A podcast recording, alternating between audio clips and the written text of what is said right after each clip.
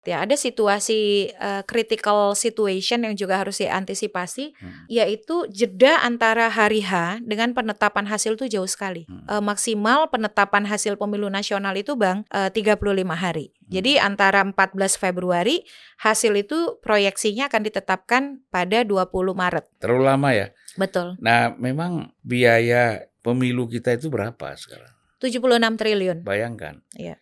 76 triliun kita masih menggunakan cara-cara manual. KPU kita banyak harus berbenah. Hmm. Terlepas mengurusi pemilu tidak gampang, tapi kan pembelajarannya sudah banyak. Ya, ya. Nah ini yang uh, persoalan uh, eh, KPU itu satu jangan ulangi lagi keteledoran-keteledoran yang membuat orang akhirnya berpikir ter terlalu jauh.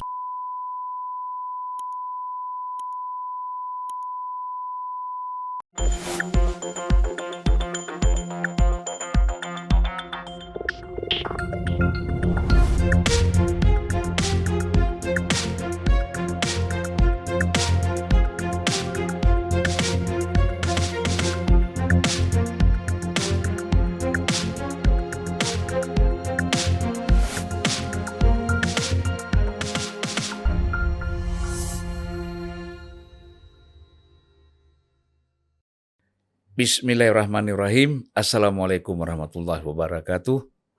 Salam sejahtera buat kita semua. Salam juga untuk para penonton setia Unpacking Indonesia. Hari ini kita ketemu lagi dengan Mbak Titi Anggraini. Wah, ini penggiat pemilu. Penggiat pemilu dan dan pengamat pilpres. amatir. Pengamat amatir pilpres. Ya, karena apa? Eh, sebenarnya bukan taruhan ya sama saya itu tebak-tebakan lah ya. Iya tebak-tebakan berhadiah. Nah, tebak-tebakan berhadiah Mbak Titi kali ini kalah. Dia bilang dua putaran, saya konsisten dengan satu putaran. Nah, di situlah memang penggiat dengan dengan apa? Politisi senior. Dengan politisi senior kalah. Jadi Mbak Titi ini dari Perludem, dari hasil quick count ini dan dari hasil real count hitungan pemilu sudah mengakui 02 pemenang ya. Hmm. Udah nggak bisa lagi. Karena sudah dia lempar handuk putih. Tadi sama saya, saya nyerah gitu Karena kami ada tebak-tebakan dengan eh, hadiahnya itu berangkat umroh. Jadi Mbak Titik terpaksa artinya eh, umrohnya batal, tetapi insya Allah kalau ada rezeki tetap berangkat. Nah, karena itu kalau ibadah itu sudah diniatkan, iya, iya, itu harus berangkat, ya kan? Nah, jadi eh, menarik sekali. Saya juga dengan beberapa kawan lain ini belum terjawab beberapa eh, apa? Beberapa tebak-tebakan juga. Hmm. Hasilnya tapi mungkin seminggu lagi ya. Hmm partai mana yang terbanyak suaranya hmm. walaupun sekarang sudah di kita terlihat quick count quick count hmm. PDIP yang tertinggi ya. ya. Mungkin Mbak Titi kalau kita lihat dari aspek itu ya dengan posisi presidennya eh, Prabowo dari Gerindra, hmm. kemudian parlemennya di tertinggi itu adalah PDIP. Hmm. Ini sebenarnya untuk balancing powernya bagus ya. Betul. ya check and balancesnya kalau dijalankan ini bagus. Hmm. Artinya ada oposisi yang juga punya eh, kekuatan politik di parlemen gitu. Hmm. Apalagi kalau misalnya Nasdem ikut di situ, Betul. ya P3 hmm. ikut di situ, PKS ikut di situ, saya hmm. kira udah hmm. cukup bagus gitu ya. Hmm. Hmm. Jadi supaya demokrasi kita ini nggak macet. Ya, betul. Ya, demokrasi kita tidak bukan nggak macet, artinya demokrasi kita ini betul-betul bisa berjalan dengan baik ya. Iya, berimbang. Iya. Sebab kalau semuanya masuk dalam pemerintahan, hmm. tinggal PDIP sendiri di luar misalnya, hmm. Hmm. itu memang nggak elok dalam negara demokrasi ya. Hmm. Hmm. Orang melihatnya seperti apa ini. Ya, ya, ya. ya walaupun ya itu hak masing-masing hmm. Hmm. partai kan hmm. gitu. Nah, ini kita harapkan ada keseimbangan lah hmm. hmm. gitu. Sehingga pemerintah betul-betul bisa dikontrol. Hmm oleh lembaga legislatif hmm. ya ya tentu di samping kekuatan-kekuatan sosial yang hmm. lain hmm. dan Mbak Titi kita ini pemilu kali ini ada satu yang menurut saya perlu kita apresiasi betul. Hmm. Artinya kita melihat ada NGO yang berperan, hmm. memberikan kritik-kritik yang tajam ya. Hmm. Kemudian kampus, hmm. ya. Kemudian macam-macam elemen masyarakat itu secara terbuka berani menyampaikan pikiran-pikiran dan aspirasi mereka secara tegas dan jelas terhadap situasi politik kita menjelang pemilu misalnya. Hmm. Itu satu hal yang positif ya. Hmm. Kita nggak bicara apakah maksudnya dukung sana dukung sini, tetapi hal ini memang tidak boleh berhenti hmm. sampai pada pemerintahan hmm. nanti gitu ya dan seterusnya gitu. Hmm. Ini penting gitu kan gitu. Nah, sekarang kan mulai masuk kepada isu wah pemilu ini ada kecurangan, yeah, yeah. ya kan? Hmm. Ada kecurangan, kemudian eh, hasilnya diragukan hmm. gitu kan. Nah tentu kan kalau saya yang bicara hmm. dalam konteks ini kan tadi bukan penggiatnya kan. kalau penggiat itu memang sehari-hari kan sudah di situ, yeah, yeah. ya kan? Hmm. Seperti orang bikin telur dadar, udah yeah, gampang yeah. aja. Yeah, kalau yeah. kita nyari garamnya di berapa, ini berapa, yeah, kalau Mbak yeah, Titi yeah. udah tahu. Hmm. Nah, jadi bagaimana dengan isu kecurangan ini dalam pandangan Mbak Titi ini? Iya. Yeah. Nah, uh, saya mungkin berangkat dari uh, teori dulu ya, Bang. Hmm. Kalau kita bicara kecurangan di pemilu itu ada uh, satu buku yang ditulis oleh Sarah Birch judulnya Electoral Malpractice. Hmm. Jadi malapraktik pemilu. Nah, malapraktik pemilu itu ada tiga tipologi. Hmm. Tipologi pertama itu adalah manipulasi aturan. Hmm. Jadi um, dalam tata kelola pemilu itu ada tiga level. Hmm. Yang pertama rule uh, rule making process. Hmm. Jadi proses pembentukan aturan uh, bagaimana kita menyusun rule of the game. Hmm. Dan juga di sana kita atur juga rule of election organizers-nya. Hmm. Jadi bagaimana aturan main dan aturan bagi penyelenggara dan penyelenggaraan Jadi dibuat. kalau organizer tadi itu KPU misalnya ya. Ya, KPU, Bawaslu. Di ya. sinilah kita mengatur uh, siapa yang akan uh, menjadi pelaksana, siapa pengawas. Itu dari sisi aturan dulu, lalu hmm. komposisi keanggotaannya seperti apa. Jadi dalam ini kita bicara manipulasi aturan dalam hmm. tata kelola pemilu. Jadi hmm. tata kelola pemilu itu ada tiga level. Uh, rule making, pembuatan aturan, lalu yang kedua rule application, mengaplikasikan aturan, dan yang ketiga uh, rule adjudication, menyelesaikan masalah-masalah dalam pemilu. Nah, eh, manipulasi aturan ini dimulai sejak rule making. Hmm. Jadi mendesain aturan yang memang diproyeksikan akan memberikan keuntungan kepada pihak yang berkompetisi. Kalau hmm. di Amerika Serikat itu yang paling lazim dilakukan adalah membuat dapil yang menguntungkan dia sehingga suara itu solid atau memecah dapil sehingga lawan tidak mendapatkan keuntungan suara. Itu yang hmm. disebut dengan gerrymandering. Hmm. Jadi menata daerah pemilihan sehingga dia mendapatkan insentif suara hmm. karena pendukung dia terkonsolidasi dalam satu dapil hmm. atau dia memecah dapil sehingga pendukung dia itu kemudian uh, pendukung lawan itu terpecah hmm. sehingga dia sulit dapat kursi. Tapi Manipulasi aturan juga bisa melibatkan aktor-aktor lain selain pembentuk undang-undang. Yeah. Yaitu juga misalnya melibatkan pengadilan, karena hmm. pengadilan kan juga punya yang disebut dengan judicial review power. Hmm. Nah, itu dulu nih teorinya ya. Jadi uh, diawali oleh manipulasi aturan. Yang kedua adalah manipulation of voters, memanipulasi pemilih. Memanipulasi pemilih praktiknya bisa dilakukan dengan intimidasi. Hmm intinya adalah menggeser preferensi bebas pemilih hmm. menjadi sesuai kehendak orang yang mempengaruhi pemilih. Hmm. Pengaruh itu bisa dilakukan dengan uh, kekerasan, intimidasi, fisik, psikis, mental. Nah, yang kedua adalah mengganggu informasinya dia sehingga dia hmm. mendapatkan informasi yang tidak valid, tidak benar. Dan ini biasanya melibatkan uh, politisasi identitas, hmm. melibatkan penyebaran informasi bohong, hmm. uh, lalu uh, disinformasi hoax dan lain sebagainya. Hmm. Yang ketiga ini juga sama bahayanya, yaitu politik uang. Politik uang itu bisa dengan pendekatan kasih uang, iming-iming, kickback, uh, dan juga memberi uh, tawaran uh, apa jabatan kepada birokrasi Intinya adalah pilihan itu menjadi bergeser. Hmm. Atau yang keempat dia memainkan pork barrel politics, politik gentong babi. Hmm. Jadi menggunakan sumber daya negara untuk kemudian personalisasi uh, apa um, kampanye sehingga pemilih dengan pendekatan sumber daya negara tadi dia terpengaruh. Nah ini di pilkad uh, di pileg kita, saya temukan nih, ini pileg dulu ya misalnya menggunakan anggaran-anggaran pokir di DPRD itu ada anggaran pokir bang pokok Hmm. pikiran jadi Hmm. dana aspirasi Hmm. jadi dana aspirasi yang sebenarnya sumbernya dari negara dan itu sudah dianggarkan dipersonalisasi seolah-olah bantuan personal si caleg Hmm. merenovasi tempat ibadah merenovasi uh, sarana infrastruktur publik jembatan dan lain sebagainya memberikan memberikan bantuan pada majelis taklim Iya. tapi itu duit negara gitu. Atau yang kemudian bansos. Nah, bansos ini social assistance program bukan hanya karakter eh, di pemilu kita, di Iya. Filipina misalnya. Dana-dana yang sifatnya bantuan untuk rakyat itu di branding, diklaim itu dari individu-individu politik. Hmm. Nah, ini bisa menjadi instrumen manipulation of voters, Hmm. memanipulasi pemilih. Jadi bergeser tuh kehendak Hmm. bebasnya. Tanpa bahkan kadang-kadang disadari oleh pemilih.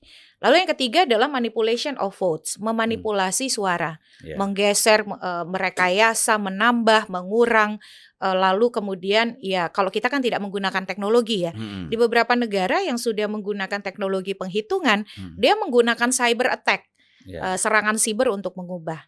Nah, mari mari kita lihat sekarang bagaimana di Indonesia. Iya. Jadi Indonesia ini 2024 em, kalau kita boleh agak mundur ke belakang, narasi pemilu curang itu bukan hanya sekarang. Iya, iya. 99 abang sudah ikut lah politik. Hmm. Bagaimana kita smooth sampai hari pemungutan suara. Hmm. Waktu itu anggota KPU kita kan dari wakil-wakil partai dan pemerintah. Iya. Di hari pemungutan suara Carter Center bilang pemilunya relatively free and fair gitu Hmm. ya. Banyak sekali Uni Eropa datang dan memuji. Tapi ketika angka hasil muncul itu sudah mulai tuh partai-partai kecil menolak dan tidak mau menandatangani hasil klaimnya Hmm. adalah kecurangan. Hmm. Nah, itu dulu. Lalu 2004 bahkan pada waktu itu eh, apa juga berujung ke Mahkamah Konstitusi gitu ya. Iya. 2009 lebih ramai lagi. Hmm. Em, apa dengan partai 38 dan pertama kali kita punya ambang batas parlemen 2,5 persen. Hmm. Bahkan pada waktu itu saya ingat betul Ibu Mega Prabowo sampai em, apa mempertanyakan eh, validitas DPT dan keluarlah putusan MK yang heroik itu. Hmm. Kalau tidak terdaftar di DPT boleh menggunakan hak pilih dengan KTP. Hmm. Nah, itu sebagai bagian dari menjawab ketidakpuasan eh, yang ditengarai karena eh, kecurangan dalam pemutakhiran data pemilih. 2014 em, apa dan 2019 narasi itu Hmm. juga ada. Bahkan di 2014 misalnya sudah ada yang deklarasi kemenangan ya dengan hasil Hmm. quick count dan ada dua deklarasi begitu. Nah, tapi bedanya yang di 2024 ini ada yang tidak pernah ditemui di pemilu sebelumnya. Iya. Apa itu? Ada kontestasi yang diikuti oleh orang yang mendapatkan tiket dari putusan Mahkamah Konstitusi, sebut saja ya putusan MK nomor 90, yang itu sampai sekarang kontroversinya tidak selesai. Hmm. Karena dia hadir di tengah aturan main yang sudah ada, undang-undang pemilu yang sudah ada, lalu melibatkan putusan pengadilan yang kemudian ada putusan MK-MK Hmm. yang mengatakan putusan itu melibatkan pelanggaran etika berat. Nah, di sinilah kemudian tidak salah kalau ada pihak-pihak yang mengatakan, oh ini manipulation of rules, Hmm. memanfaatkan rule untuk Hmm. memberikan tiket kepada seseorang. Nah, jadi hal-hal seperti ini memang menjadi khas dari 2024. Selain manipulation of voters tadi kita bicara, Hmm.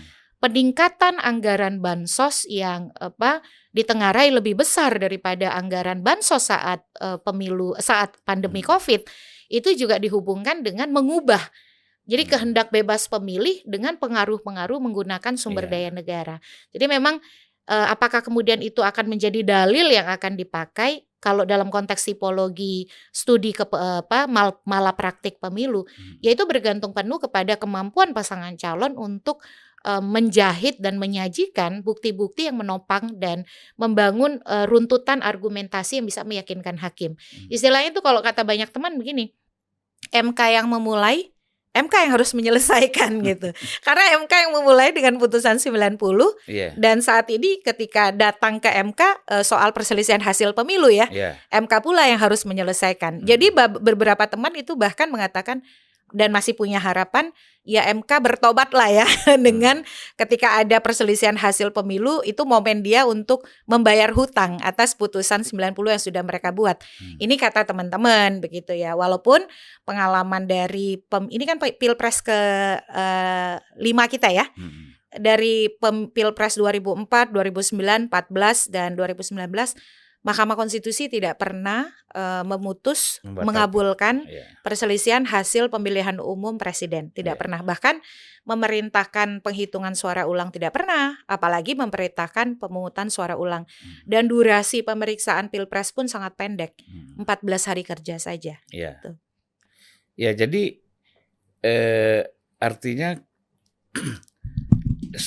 eh, yang berkembang di tengah-tengah masyarakat kita hmm. ya sekarang ini tadi Mbak Titi sudah menjelaskan ya saya hmm. kira baik secara konseptual kemudian eh, dalam bentuk praktek-prakteknya hmm. itu kan sudah jelas hmm. gitu ya nah tinggalkan bagaimana tadi ujungnya kan di MK yeah. nah MK ini keputusan MK MK khususnya Pak Anwar Usman itu tidak boleh ikut menangani persidangan yang ada benturan kepentingan. Ya, dua berarti soal PSI dan soal uh, capres. Capres kan. Pilpres, iya. Pilpres ya. ya. Hmm. Nah, jadi itu udah satu poin sebenarnya membuka peluang uh, bisa keputusan itu lebih uh, progresif lah ya. Ya. Jadi bisa bisa pikiran-pikiran orang yang selama hmm. ini mencurigai, hmm. ada kecurigaan tetap nggak bisa hilang ya, hmm. tapi agak agak berkurang lah ya. Dan ada per, pergantian klasemen, Bang. Huh? Klasemen pemain DMK berubah. Uh, ada dua pemain yang keluar, ada dua pemain baru tanda kutip ya. Hakimnya tuh makanya saya bilang ada perubahan klasemen pemain itu karena uh, dulu ketika putusan yang sebelumnya 90 hakim itu masih ada uh, Manahan Sitompul dan Wahidudin Adams. Hmm. Manahan itu pendukung perubahan syarat usia kalau uh, Wahidudin Adams menolak uh, pengaturan soal usia oleh dari MK. DPR ya? Ya betul. Sekarang ada dua hakim baru. Yang pertama Arsul Sani. Arsul Sani ini latar belakangnya politisi P3, yeah. uh, seorang ahli hukum, yeah. lama di Komisi 3 dengan Bang Zulfan. Hmm. Lalu yang kedua adalah Ridwan Mansur. Nah ini hmm. Orang lahat nih. Mohon maaf satu kampung sama ibu saya. Hmm. Jadi Sumsel Pride lah ya. nah ini juga uh, apa menjadi analisis baru karena ada perubahan konfigurasi hakim di Mahkamah Konstitusi. Ya kecenderungannya seperti apa dengan perubahan ini? Um, kalau kita runut lagi ya, uh, putusan 90 itu kan kontroversial karena dia tidak seperti ini tidak bulat. Hmm. Dia itu seperti apa uh, lonjong pun tidak. Jadi hmm. Uh, kalau kita ini seperti pie, ada banyak potongan-potongan. Ada tiga hakim yang mendukung penuh, ada dua hakim hmm. yang Sebenarnya dia hanya mendukung pengecualian usia 40 itu untuk yang pernah jadi gubernur walaupun setuju dengan uh, putusan ada perubahan uh, syarat usia dengan alternatif pejabat uh, negara yang dipilih hmm. melalui pemilu dan pilkada. Lalu empat hakim sebenarnya kan menolak. Ya, jadi ya. lima versus empat lah. Nah sekarang pergantiannya adalah satu dari yang lima mendukung itu keluar masuk pemain baru gitu ya. Uh, lalu kemudian yang uh, menolak pun ada penggantinya juga gitu. Tetapi di putusan terakhir Bang 141 delapan hakim kecuali Anwar Usman itu berubah lagi pendirian hukumnya. Hmm. Menyatakan bahwa syarat usia itu bukan kewenangan MK untuk memutuskan, hmm. tetapi kewenangan pembentuk undang-undang. Namun kalau ingin mengubah syarat usia 40 tahun itu kewenangannya DPR pemerintah, tapi tidak boleh untuk 2024. Hmm. Jadi dia mengakui bahwa ada perubahan uh, apa posisi hukum dari putusan 4, uh, 90 ke putusan 141 2023 tapi dikunci 2024 itu nggak boleh diganggu gugat nih putusan yang sebelumnya. Kalau mau mengubah maka ubahlah di 2029. Hmm. Nampaknya MK pun ingin memberikan garansi atas proses yang sudah berlangsung. Jadi dengan konfigurasi MK berubah pendirian hukum begitu ya, tapi juga menggaransi konstitusionalitas proses melalui putusan 90 yang hmm. tidak tidak boleh diganggu pelaksanaannya. Saya tidak bisa membaca utuh tapi menurut saya Mas peluangnya jadi 50-50. Hmm. Jadi setengah-setengah. Bisa saja progresivitas itu muncul tapi di sisi lain mengingat uh, kalau di MK itu intinya lah putusan 90 itu udah nggak bisa dutak-atik lah ya. MK sudah memberikan konstitusionalitasnya di putusan 141. Tapi bagaimana mereka melihat dalil pasti yang didalilkan itu adalah kecurangan yang terstruktur, sistematis dan masif. Terstruktur itu kan didefinisikan kalau di Undang-Undang Pemilu dan putusan MK melibatkan aparat uh, pemerintah, birokrasi dan juga penyelenggara pemilu. Hmm. Kalau kemudian uh, apa sistematis itu direncanakan secara matang, hmm. didesain uh, sedemikian rupa untuk melakukan kecurangan. Makanya kemudian kalau kita nonton uh, apa film Dirty Vote, dia menariknya kan kemulai ketika penempatan penjabat-penjabat, hmm. lalu ditarik lagi ke seleksi penyelenggara pemilu, hmm. uh, kemudian bansos dan seterusnya. Sejauh mana kemudian pemohon nanti permohonan ini kan tiga hari ya setelah pengumuman tanggal 20 direncanakan hmm. bisa jadi lebih cepat mampu membangun kronologis dan trajektori peristiwa hmm. sehingga melahirkan konklusi hasil angka yang sudah abang prediksi dengan tepat itu ya. Nah ini hormat nih pada politisi senior.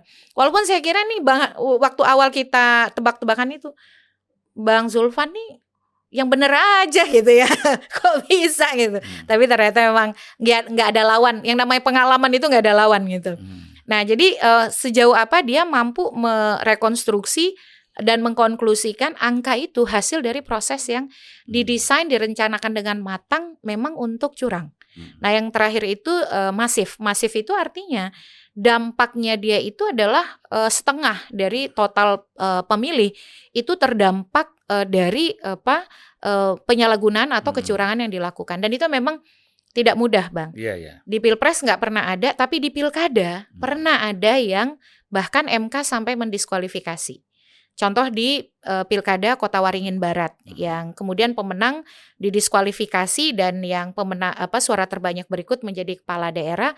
Hmm. Tapi kan size pemilu presiden itu tidak sama dengan pilkada. Ya, Apalagi ya, ya. pilkada kabupaten gitu. Ya, ini kan luas sekali ya. Betul. Jadi kalau saya dengar keterangan tadi eh, ketua Bawaslu mengatakan hmm. eh, misalnya selisih angkanya 5 juta. Lalu sementara bukti-bukti yang dibawa itu hanya sekitar katakanlah mm -mm. di bawah sepuluh ribu mm -mm. ya atau tidak tidak mencukupi mm -mm. untuk meng, untuk mengatakan curang dari mm. dari dari selisih suara mm. yang begitu besar mm. itu kan sulit dia bilang untuk kita yeah. membatalkan yeah. Nah, kalau kalau hanya satu atau begitu sedikit bukti kita membatalkan pemilu ini nggak pernah terjadi pemilu mm. ini mm -mm. ya tidak pernah selesai. Mm. Pemilu lagi, pemilu mm. lagi kan mm. gitu. Hmm. Nah, kemudian kita uh, melihat bahwa misalnya soal tadi uh, pengerahan birokrasi mm. aparat mm. yang terstruktur ya. Mm. Nah, itu bagaimana cara kita membuktikannya itu? Iya. Um, kita kembali ke definisi dulu, Bang. Perselisihan hasil pemilu adalah perselisihan hmm yang mempengaruhi hasil dan keterpilihan. Hmm. Jadi itulah kenapa kemudian dalam praktiknya MK itu ada kecenderungan hanya bicara angka-angka untuk pileg dan pilpres. Hmm. Contohnya saja di 2019 ada perselisihan hasil pemilu DPRK Banda Aceh, yeah. kota Banda Aceh. Itu yang dipersoalkan selisih suara cuma 4. Hmm. Jadi saya membaca kecenderungan MK itu kalau untuk pileg pilpres lebih fokus kepada angka yang hmm. mempengaruhi hasil. Yeah. Karena kan perselisihan hasil pemilu adalah keberatan hmm. dari peserta pemilu menyangkut penetapan hasil yang dilakukan oleh KPU hmm. yang mempengaruhi hasil atau keterpilihan. Nah, akhirnya di Pileg Pilpres di tengah kompleksitas dan size yang besar, MK kecenderungannya adalah fokus kepada angka-angka. Makanya dulu hmm. sempat ada narasi MK itu kan bukan mahkamah kalkulator. Hmm. Harusnya nggak hanya fokus pada angka-angka, hmm. tapi praktik 2004, 2009, 2014 dan 2019 di Pileg Pilpres MK itu seperti membatasi diri hanya melihat hasil atau penetapan yang mempengaruhi keterpilihan dan perolehan hmm. hasil yang berdampak pada keterpilihan. Makanya koreksi dia kebanyakan pada kalau ada kesalahan penjumlahan, kesalahan pencatatan atau secara sengaja ditemukan ada penyelenggara yang mengubah hasil. Jadi lebih fokus pada sana. Tapi kalau di pemilu e, di pilkada karena memang konteks size-nya lebih kecil, MK dia lebih progresif, lebih melihat e, ke dalam kerangka yang besar tadi yang TSM itu karena lebih mungkin untuk dibuktikan kan. Yeah. Iya. E, dia e, be, di beberapa kasus menyoroti soal legalitas syarat pencalonan. Makanya ada beberapa pilkada yang batal karena ternyata uh, di persidangan kemudian uh, diketahui dia adalah warga negara asing. Hmm. Misalnya uh, apa di uh, uh, Orient Periwu Koreh Pilkada Sabu Raijua tahun 2020 kan hasil dibatalkan MK karena dia ternyata punya paspor yeah, warga yeah. negara Amerika Serikat atau di Bovendigul ternyata dia pernah menjadi terpidana tindak pidana korupsi dan e, masa bebasnya itu belum memenuhi syarat masa jeda lima tahun yeah. dibatalkan juga atau kemudian yang tadi saya cerita e, di Mandailing Natal dan e, apa di Kota Waringin Barat itu motif dia tuh cara gini bang waktu itu dia ngasih set, kan kalau di pilkada itu memberikan ongkos politik boleh, yang nggak boleh itu politik uang. Hmm. Nah, cara strategi dia adalah setengah dari DPT dia jadikan tim kampanye, dia hmm. laporkan ke KPU dan dikasih uang. Dilalainya bang, pasangan calon lawan juga masuk tim kampanye dia. Hmm. Nah, kan nggak mungkin masa calon bupati lawan jadi tim kampanye dia. Hmm. Ternyata dia mengambil asal asal ambil dari DPT di hmm. SK kan untuk melegitimasi kasih uang hmm. sehingga tidak dianggap sebagai politik uang tapi sebagai ongkos kampanye, ongkos politik gitu, hmm. transport dan lain sebagainya. Nah, oleh MK itu disebut sebagai kamuflase melakukan politik uang. Nah, di beberapa kasus MK membuktikan ada program eh, PBB gratis, pajak bumi bangunan gratis, dan itu dianggap sebagai kamuflase politik uang walaupun program resmi dari pemerintah, hmm. karena hanya diadakan saat dia hmm. sedang men, apa, berproses berkontestasi dia petahana hmm. maju kembali untuk periode berikut. Nah kembali ke soal tadi ya, bagaimana kita membuktikan terstruktur melibatkan birokrasi, aparat pemerintah dan lain sebagainya. Nah ini kemampuan Hmm. apa namanya membangun penalaran dan legal argumen menjadi menantang gitu. Bagaimana dia menghubungkan bahwa itu memang ada korelasi satu sama lain. E, ditambah lagi misalnya dengan fakta-fakta contoh e, ada pernyataan-pernyataan birokrasi, ada kemudian e, apa namanya peristiwa-peristiwa di mana e, birokrasi melakukan tindakan-tindakan yang itu yang bisa di, hmm. dijangkau karena terekspos. Nah, biasanya sih kalau harus spesifik uh, peristiwa sehingga peristiwa itu menjadi sebuah peristiwa besar yang berpengaruh misalnya kepada suara itu memang sulit. Hmm. Karena biasanya ruangan ruang-ruang terjadinya kecurangan terstruktur sistematis dan masif itu di ruang-ruang yang tidak sepenuhnya bisa dijangkau oleh publik. Hmm. Tapi kemampuan uh, me membangun kronologis dan menghubungkan sehingga tercipta sebuah frame atau kerangka besar bahwa itu memang mengarah kepada pengkondisian hmm. pemilu yang curang dan tidak menerapkan pemilu yang jujur dan adil itu yang memang jadi tantangan bagi tim hukum, Bang. Dan saya yakin tim hukum ini kan memang mereka mengumpulkan sejak awal. Tapi apakah yang dikumpulkan itu mampu membangun tadi konstruksi dan uh, apa namanya konklusi hmm. yang meyakinkan? Ini menjadi tantangan karena dalam praktik sebelumnya uh, kan faktanya di Pilpres dan Pileg belum pernah terjadi. Ya. Gitu. Dan satu hal lagi yang juga akan menjadi rumit, bukan hanya pihak yang kalah yang mencari bukti kecurangan. Ya. Pihak yang dianggap menang pun mencari Betul. bukti kecurangan. Ini kan repot nih jadinya Betul. kan. Betul. Nah, ya. jadi kalau itu namanya pihak terkait. Ah. Ya, jadi di contoh pemilu 2019 ya, kan um, pemohon itu biasanya adalah yang mempersoalkan penetapan hasil oleh KPU dan hmm. bukan hanya soal angkanya yang dianggap salah uh, catatan selama ini noken di Papua itu selalu dipersoalkan karena dianggap seolah-olah uh, apa uh, mengambil suara tanpa proses yang demokratis. Hmm. Nah, kalau kita baca permohonan tuh selalu ada uh, persoalan Papua yang diangkat atau dan persoalan birokrasi aparat keamanan selalu uh, yeah. diangkat begitu ya. Nah, um, kalau dalam situasi pemohon mempersoal yang dipersoalkan itu sebagai termohon, Bang, bukan calon yang menang, hmm. tapi KPU. Yeah, Jadi yeah. ini adalah pasang, uh, peserta pemilu versus KPU. Yeah. Biasanya yang menang ingin mempertahankan kemenangannya dong. Hmm. Tidak mungkin dia biarkan proses itu tanpa ada keterlibatan. Hmm. Maka pemenang itu atau yang memperoleh suara terbanyak dalam hal ini misalnya Prabowo Gibran, dia akan meminta untuk menjadi pihak terkait. Hmm. Dan biasanya nih se sejalan seirama senada nih dengan KPU gitu ya. Yeah. Ada kecenderungan pihak terkait atau yang menang itu akan selalu membenarkan apa yang dilakukan oleh KPU. Kalau saya sih berharap begini, um, bicara pemilu itu ada yang bicara dua aspek. satu integritas, dua profesionalitas. Hmm. Kadang-kadang profesionalitas itu sulit untuk diwujudkan sesempurna mungkin karena pemilu kita ini by design memang kompleks sekali. Hmm. Uh, by design memang kom, uh, kerumitan itu berdampak pada kesulitan untuk punya performa sepenuhnya optimal gitu Bang. Makanya di pemilu kita, Abang cek aja dari tahun 55 sampai sekarang tidak pernah nggak tidak terjadi atau tidak pernah uh, tidak ada kasus surat suara tidak tertukar. Hmm. Yang sekarang saja itu saya baca laporan Bawaslu ada 6.000 lebih TPS yang surat suaranya tertukar. Hmm. Karena memang kompleksitas teknisnya. Jadi saya agak bisa memahami kalau level profesionalitas itu um, ada ada celah-celah yang uh, bolong begitu. Hmm. Tapi yang parah kalau itu kemudian terbiarkan tidak mendapatkan apa namanya perlakuan untuk koreksi secara cepat. Hmm. Nah, ini pasti persoalan profesionalitasnya akan dipersoalkan, Bang. Misalnya, surat suara yang terkirim lebih dulu di Taipei. Hmm. Lalu pemilu di Kuala Lumpur, di mana pemilih yang tidak punya uh, tidak terdaftar di DPT atau DPK hmm. itu luar biasa gelombang ininya.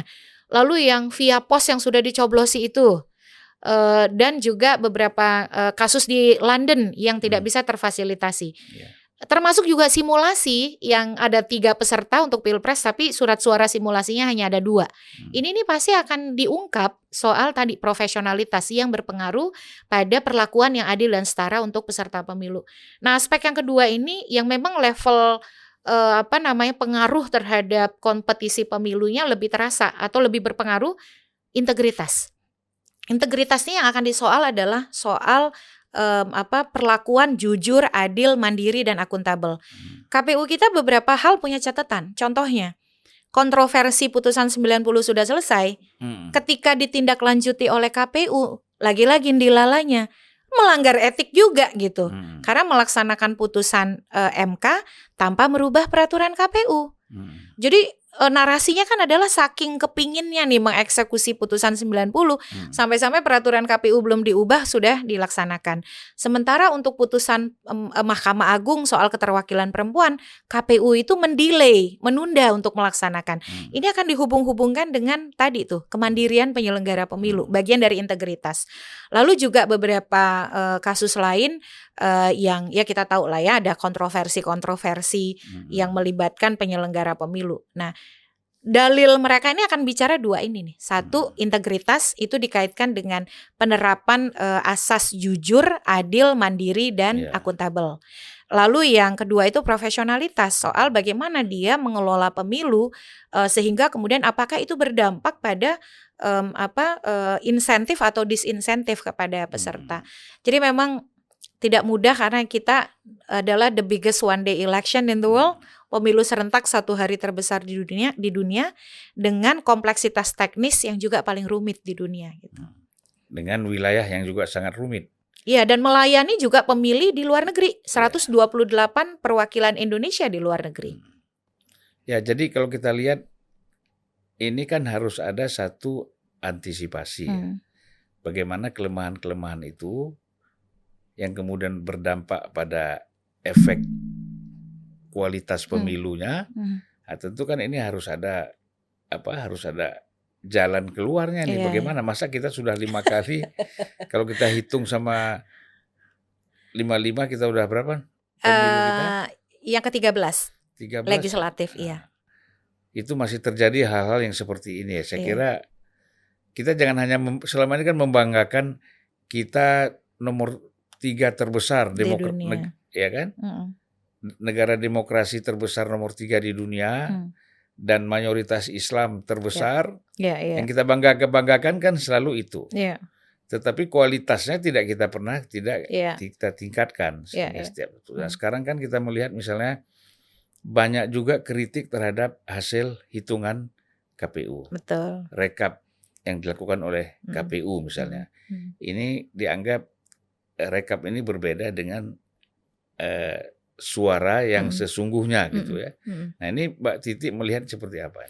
Iya, uh, sebelum masuk ke situ tadi ada yang juga terlewat ya. Ada situasi uh, critical situation yang juga harus diantisipasi, hmm. uh, situasi kritis yaitu jeda antara hari H dengan penetapan hasil itu jauh sekali. Hmm. Uh, maksimal penetapan hasil pemilu nasional itu Bang uh, 35 hari. Jadi antara 14 Februari hasil itu proyeksinya akan ditetapkan pada 20 Maret. Hmm. Nah, ini harus diantisipasi nih karena provokasi, tekanan-tekanan massa bisa jadi akan digunakan. Hmm. Dan juga proses di MK. Walaupun ada faktor yang unik di 2024 eh, ketika KPU menetapkan hasil itu bulan puasa, Ramadan. Jadi Ramadan tuh. Karena tanggal, tanggal 20 Maret. Oh, iya. Dan proses perselisihan hasil itu kemungkinan putusannya sebelum Idul Fitri gitu ya. Jadi hmm.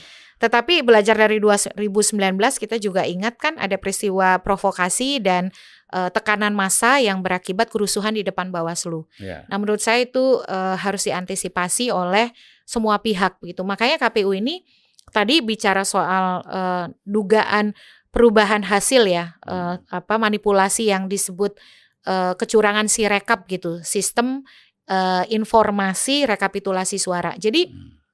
kita nih Bang, baik pemungutan peenghitungan suara semuanya manual. Nah, untuk mengantisipasi karena jeda antara pengumuman hasil dengan penetapan hasil nasional tuh jauh sekali. Berapa hari itu? 35 hari. Waduh. Dan kita salah satu yang paling lama loh pengumuman hasil di dunia. Sementara kan ada video yang beredar itu katanya nah, kita sebelum pemilu ya sudah ada hasilnya. Nah, itu dia. Jadi Nah, ini yang harus diantisipasi. Makanya KPU me, apa, membuat sistem sejak 2014 hmm. namanya Situng. Sekarang namanya Sirekap. Supaya masyarakat ini yakin ini loh di foto hasil res, hasil murni dari TPS supaya kalian tuh ikut ngawal. Hmm. Nanti coba dihitung di kecamatan jumlahnya berapa, di kabupaten berapa, nanti samain namanya ditetepin KPU. Karena kan ketika rekap di kecamatan gak semua dari kita bisa ikut. Hmm. Nah, sayangnya lagi sistem yang meskipun itu adalah layanan kepada masyarakat untuk alat bantu transparansi, tapi kalau tidak dikelola dengan profesional, teknisnya tidak terkelola baik, yeah. dia bisa menimbulkan spekulasi. Kayak sekarang nih, kan ketika di foto, aplikasi itu akan membaca angka dari hmm. foto dan mengkonversi menjadi angka hasil. Hmm. Fotonya angkanya 86, Bang. Hmm. Tapi bacaan hasilnya ang sebenarnya angkanya itu di foto 086. Hmm. Tapi dibaca oleh hasil sebagai 886. Hmm. Karena kan 0 mungkin ada garis di tengah. Hmm. Nah, walaupun yang dihitung itu yang manual, yang foto yang kemudian ada di salinan formulir hasil, salinan C hasil namanya, tapi kan spekulasi hmm. karena ini menyangkut masyarakat yang tidak sepenuhnya familiar dengan penghitungan hmm. yang dia lihat di aplikasinya KPU 86 ditulis 886 padahal itu kesalahan membaca sistem hmm. dan petugas yang menginput tidak teliti berkembanglah spekulasi, berkembanglah uh, apa namanya kontroversi dan provokasi. Hmm. Ke depan menurut saya dan itu harus dimulai dari sekarang nih. Tidak boleh menunggu setahun berikutnya, dua tahun berikutnya. Penghitungan suara kita tuh mestinya kita gradual kita mulai dilakukan secara elektronik. Hmm. Nah, jadi ada beberapa negara yang kita bisa pelajari, termasuk si rekap itu bisa digunakan. Jadi memfoto angkanya langsung terdigitalisasi, hmm. tapi dengan kualitas teknologi yang baik yang paripurna. Nah, oleh karena itu dia harus diuji coba gitu, uji coba terus menerus, lalu sistemnya disempurnakan, keamanan sibernya ditingkatkan. Pasti bisa 2029 minimal hmm. pemungutan suaranya tetap manual karena kan kita bisa melihat hasilnya langsung di TPS. Hmm. Di saat yang sama adalah penghitungan dan rekapitulasinya itu elektronik. Hmm. Tidak perlu lagi menunggu 35 hari. Yeah. 35 hari itu Bang yang bahaya itu apa? Hoax. Hmm. Hoax-hoax yang yang tadinya uh, kesalahan input itu adalah murni karena human error, karena hoax itu bisa disebut sebagai oh ini kecurangan yang sudah begini-begini. Nah, hmm. itu yang bahaya sebenarnya. Iya, iya, terlalu lama ya. Betul. Nah, memang sebenarnya kan kalau kita biaya pemilu kita itu berapa sekarang? 76 triliun. Bayangkan. Iya.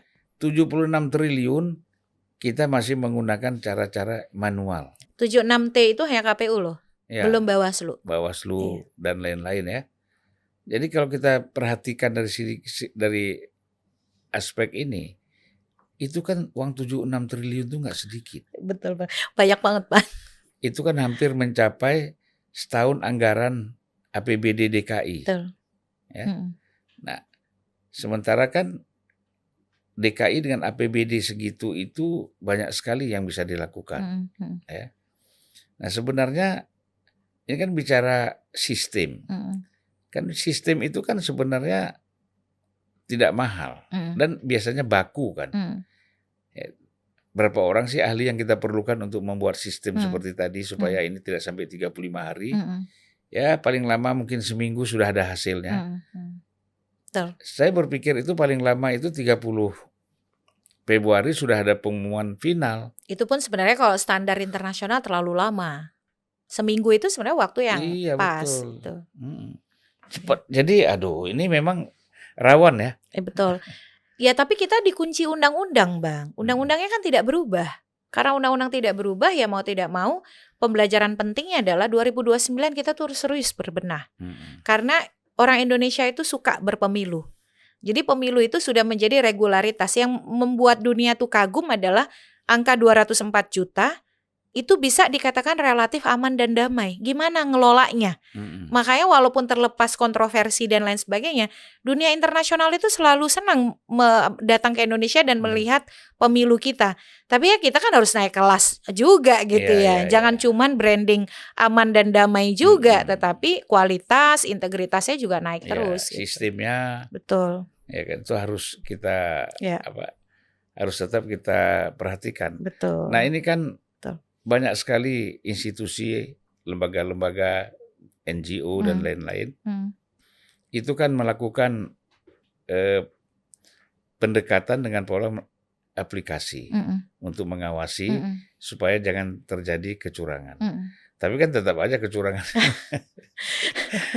Jadi gimana kita mau membangun sistem ini? Nah, kalau saya amati ya, Bang. Ini eh, berdasarkan eh, pengalaman mengawal pemilu sejak 99 nih. Ya. Eh, apa bedanya kalau Abang tuh praktik di tengah kubangan politik ya, mungkin Hmm. bukan kubangan ya, kolam politik gitu ya. Hmm. Kalau saya kan di luar melihat teknokratisnya gitu. Em, apa em, kalau antara pileg dan pilpres karakternya tuh beda. Kalau pilpres pilihan pemilih itu relatif tidak ada pengaruh tekanan intimidasi eh, pada saat dia memberikan suara. Hmm. Jadi saat memberikan suara itu adalah ya sudah diserahkan kepada pemilih.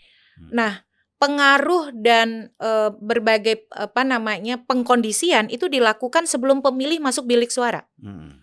melalui kebijakan, lalu Hmm. kemudian pendekatan eh, tadi ya politik gentong babi, politisasi Hmm. birokrasi dan lain sebagainya.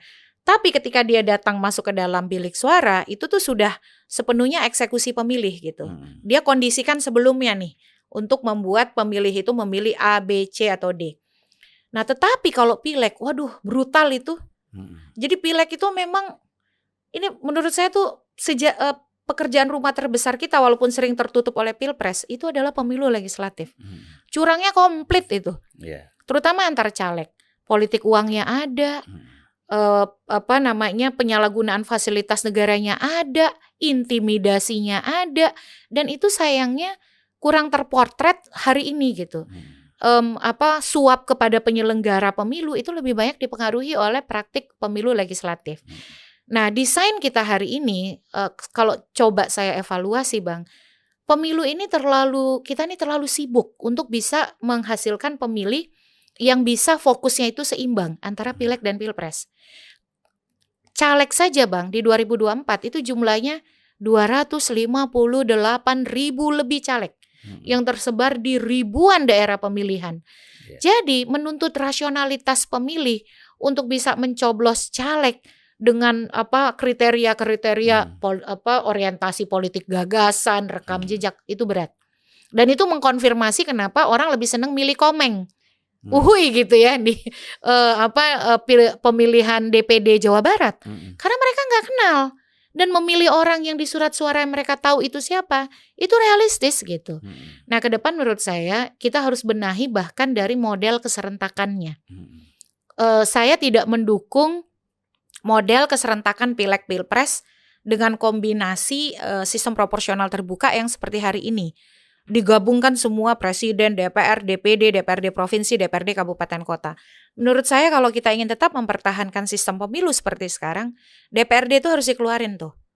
Dia tidak boleh digabung dengan DPR, DPD, presiden. Too much. Kasihan DPD pemilih. maksudnya, DPD. DPRD. Oh, DPRD. Saya justru DPRD, Bang. DPRD itu mestinya dia bergabung dengan kepala daerah Hmm. sehingga ada koherensi antara politik eksekutif dan legislatif di Ya. tingkat daerah. Hmm. Kok sekarang kan DPRD itu jadi tumpuan semua tuh, tumpuan caleg DPR Hmm. untuk tandem pemenangan walaupun duitnya dari DPR operatornya kan di bawah gitu. Iya, iya. Dan isu lokal itu nggak terangkat. Hmm. Semua tenggelam oleh isu nasional padahal kalau kita bicara arena perjuangan DPRD kan beda dengan Hmm. DPR. Jadi kalau saya sendiri pribadi berharap satu kalau rekomendasi perbaikan kebijakan Em, digitalisasi kita mulai secara gradual dan itu kita mulai dengan eh, menerapkan penghitungan dan rekapitulasi suara eh, elektronik. Jadi eh, electronic recapitulation. Nah, dan itu mempercepatkan mata rantai eh, penetapan hasil. Karena salah satu pil- eh, ciri demokrasi pemilu yang demokratis adalah hasil yang cepat ditetapkan, Hmm. diketahui oleh pemilih dan mengurangi spekulasi serta kecurangan. Hmm. Nah, yang kedua, eh, saya berharap pemilu serentak kita itu diredesain menjadi pemilu serentak nasional, memilih DPR, DPD, presiden.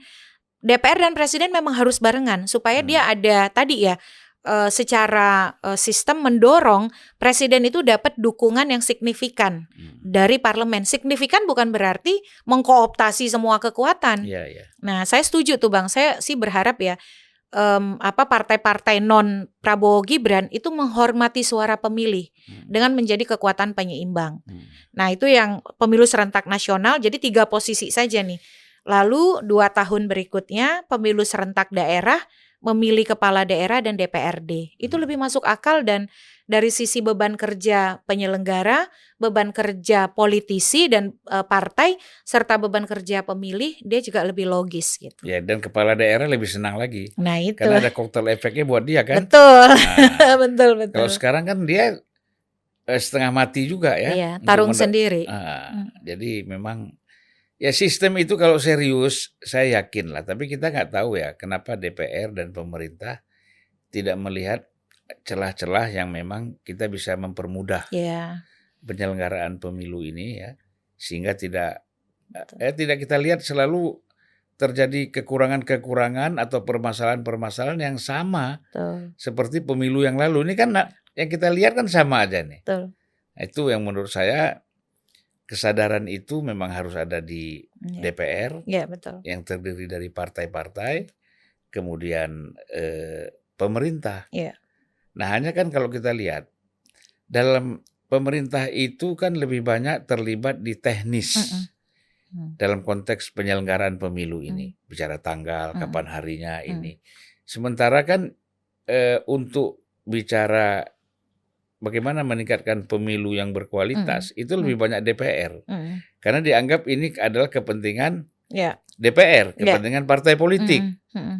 Jadi pemerintah di sini ya mungkin ada Mm. masukan-masukan dari Mm. pemerintah, tapi tidak tidak lebih Iya, dominan dibandingkan dengan DPR. betul. Jadi kesadaran memang kepada partai politik Mm. untuk eh, menyelenggarakan Iya. pemilu yang lebih berkualitas itu memang Betul. ya sangat kita harapkan Betul, ya. Bang. Jadi eh, kalau Mbak Titi melihat ya Mm. kita secara Mm. keseluruhan Mm. Dengan hasil pemilu yang ada sekarang ini, Mm. quick count, Mm. kemudian eh, apa rekap yang dilakukan oleh Mm-mm. KPU. KPU, ini nuansanya seperti apa nih?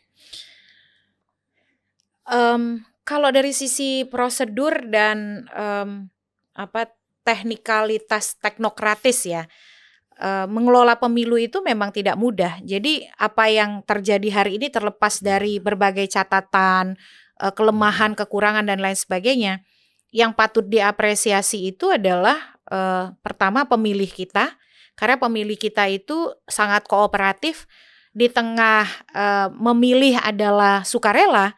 Angka partisipasi kita anti part- angka partisipasi kita sejauh ini di atas 80 Oh, persen. hmm, 2019 itu 81,69 persen. hmm, Ini eh, dibaca oleh banyak em, ahli kepemiluan sebagai situasi yang kenapa orang Indonesia suka berpemilu. Karena ya Hmm. saya bilang kita dari tradisi dulu ya Orde Baru dan lain sebagainya, pemilu itu dijadikan betul-betul bagian dari aktivitas sosial masyarakat. Pesta rakyat. Pesta rakyat. dan juga hari libur. Ya. ya. Dan yang mengelola pemilu adalah komunitas orang-orang di lingkungan. Hmm. Nah, jadi um, apa uh, adanya quick count, quick count terlepas dari apa pun ya, walaupun saya menduga dua putaran, Eh, orang-orang yang ada di belakang quick count setidaknya orang yang saya kenal uh, punya kapasitas akademik hmm. dan saya kira mereka tidak akan melampaui demarkasi uh, akademiknya mereka untuk mempertaruhkan kredibilitas begitu ya. Walaupun ya memang hasil resmi ada di KPU dan saya harus mengakui selama ini saya mengikuti pemilu pilkada kalau hasilnya gapnya terlalu besar seperti itu ya uh, hasil dari KPU tidak akan jauh berbeda. Hanya saja kan yang jadi persoalan sekarang um, situation and condition behind the numbers. Um, narasi yang muncul ini kan adalah numbers itu hasil dari apa dulu gitu. Hmm. Kalau dari prosedur teknis uh, yang dicatat oleh quick count itu adalah angka yang dihasilkan dari bilik suara dan kemudian dihitung. Hmm. Di, dikeluarkan surat suara dari kotak dan dihitung ya itulah apa adanya. Tapi kan dia tidak memotret peristiwa-peristiwa yang menggerakkan pemilih ke TPS, yang hmm. kemudian e, melatar belakangi pemilih membuat keputusan.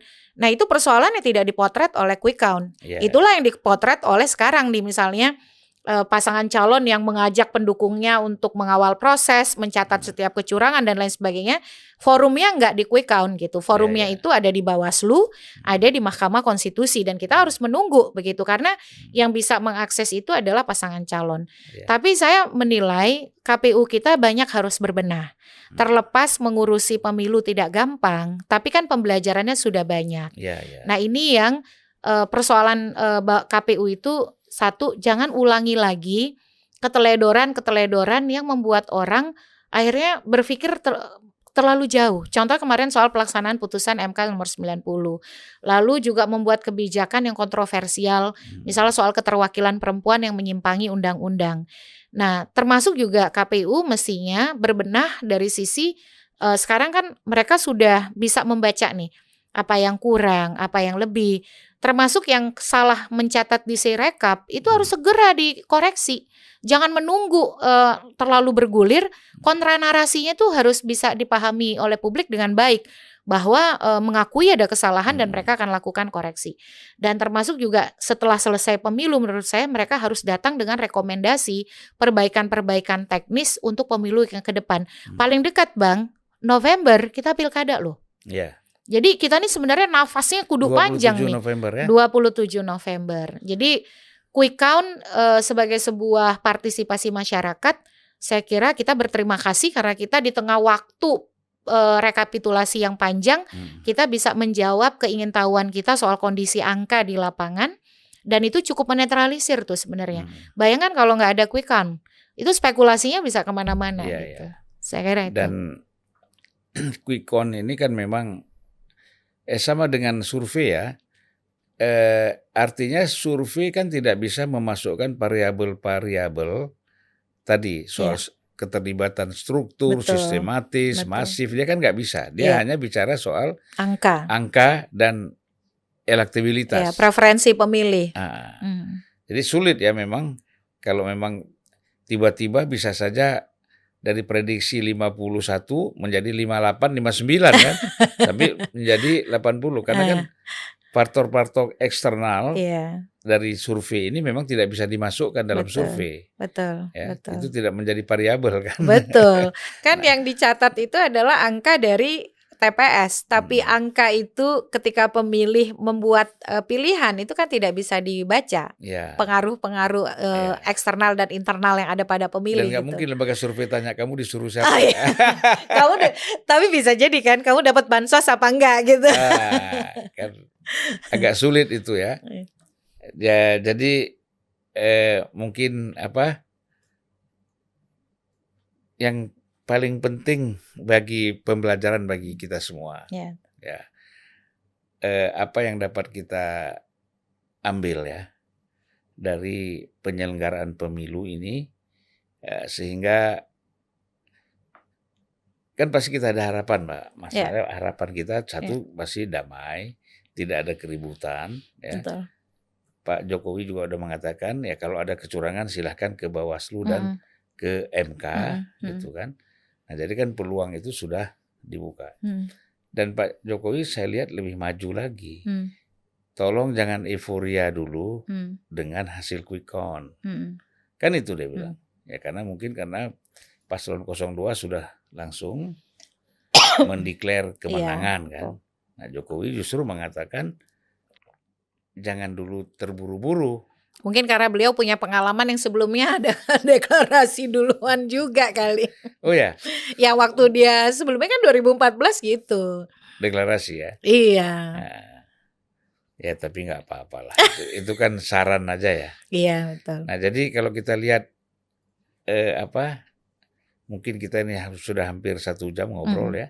Harapan saya kali ya Bang ya. Iya, bagaimana? Iya, kalau saya tuh sebenarnya gini Bang. Kita nih kan sekarang posisinya menurut Fidem ya. Fidem itu sebuah lembaga yang berkantor di Swedia dari universitas dan para akademisi. Hmm.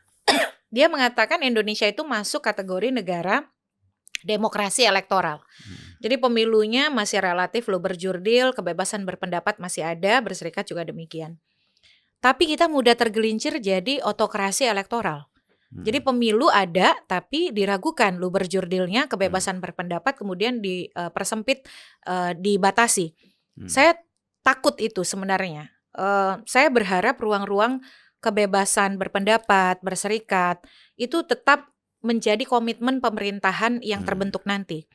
Karena misalnya um, apa kami ya di uh, Perludem tuh kan kita bagian dari kekuatan masyarakat sipil yang yeah. tujuannya itu tidak um, i, apa memperjuangkan kepentingan elektoral siapa pun dan dalam banyak uh, pengukuran indeks demokrasi global pemilu dan juga keberadaan masyarakat sipil yang vibrant itu mengangkat skor demokrasi kita hmm. termasuk juga pengawasan pada pemerintahan melalui tiga variabel parlemen yang efektif uh, kekuasaan kehakiman yang independen hmm.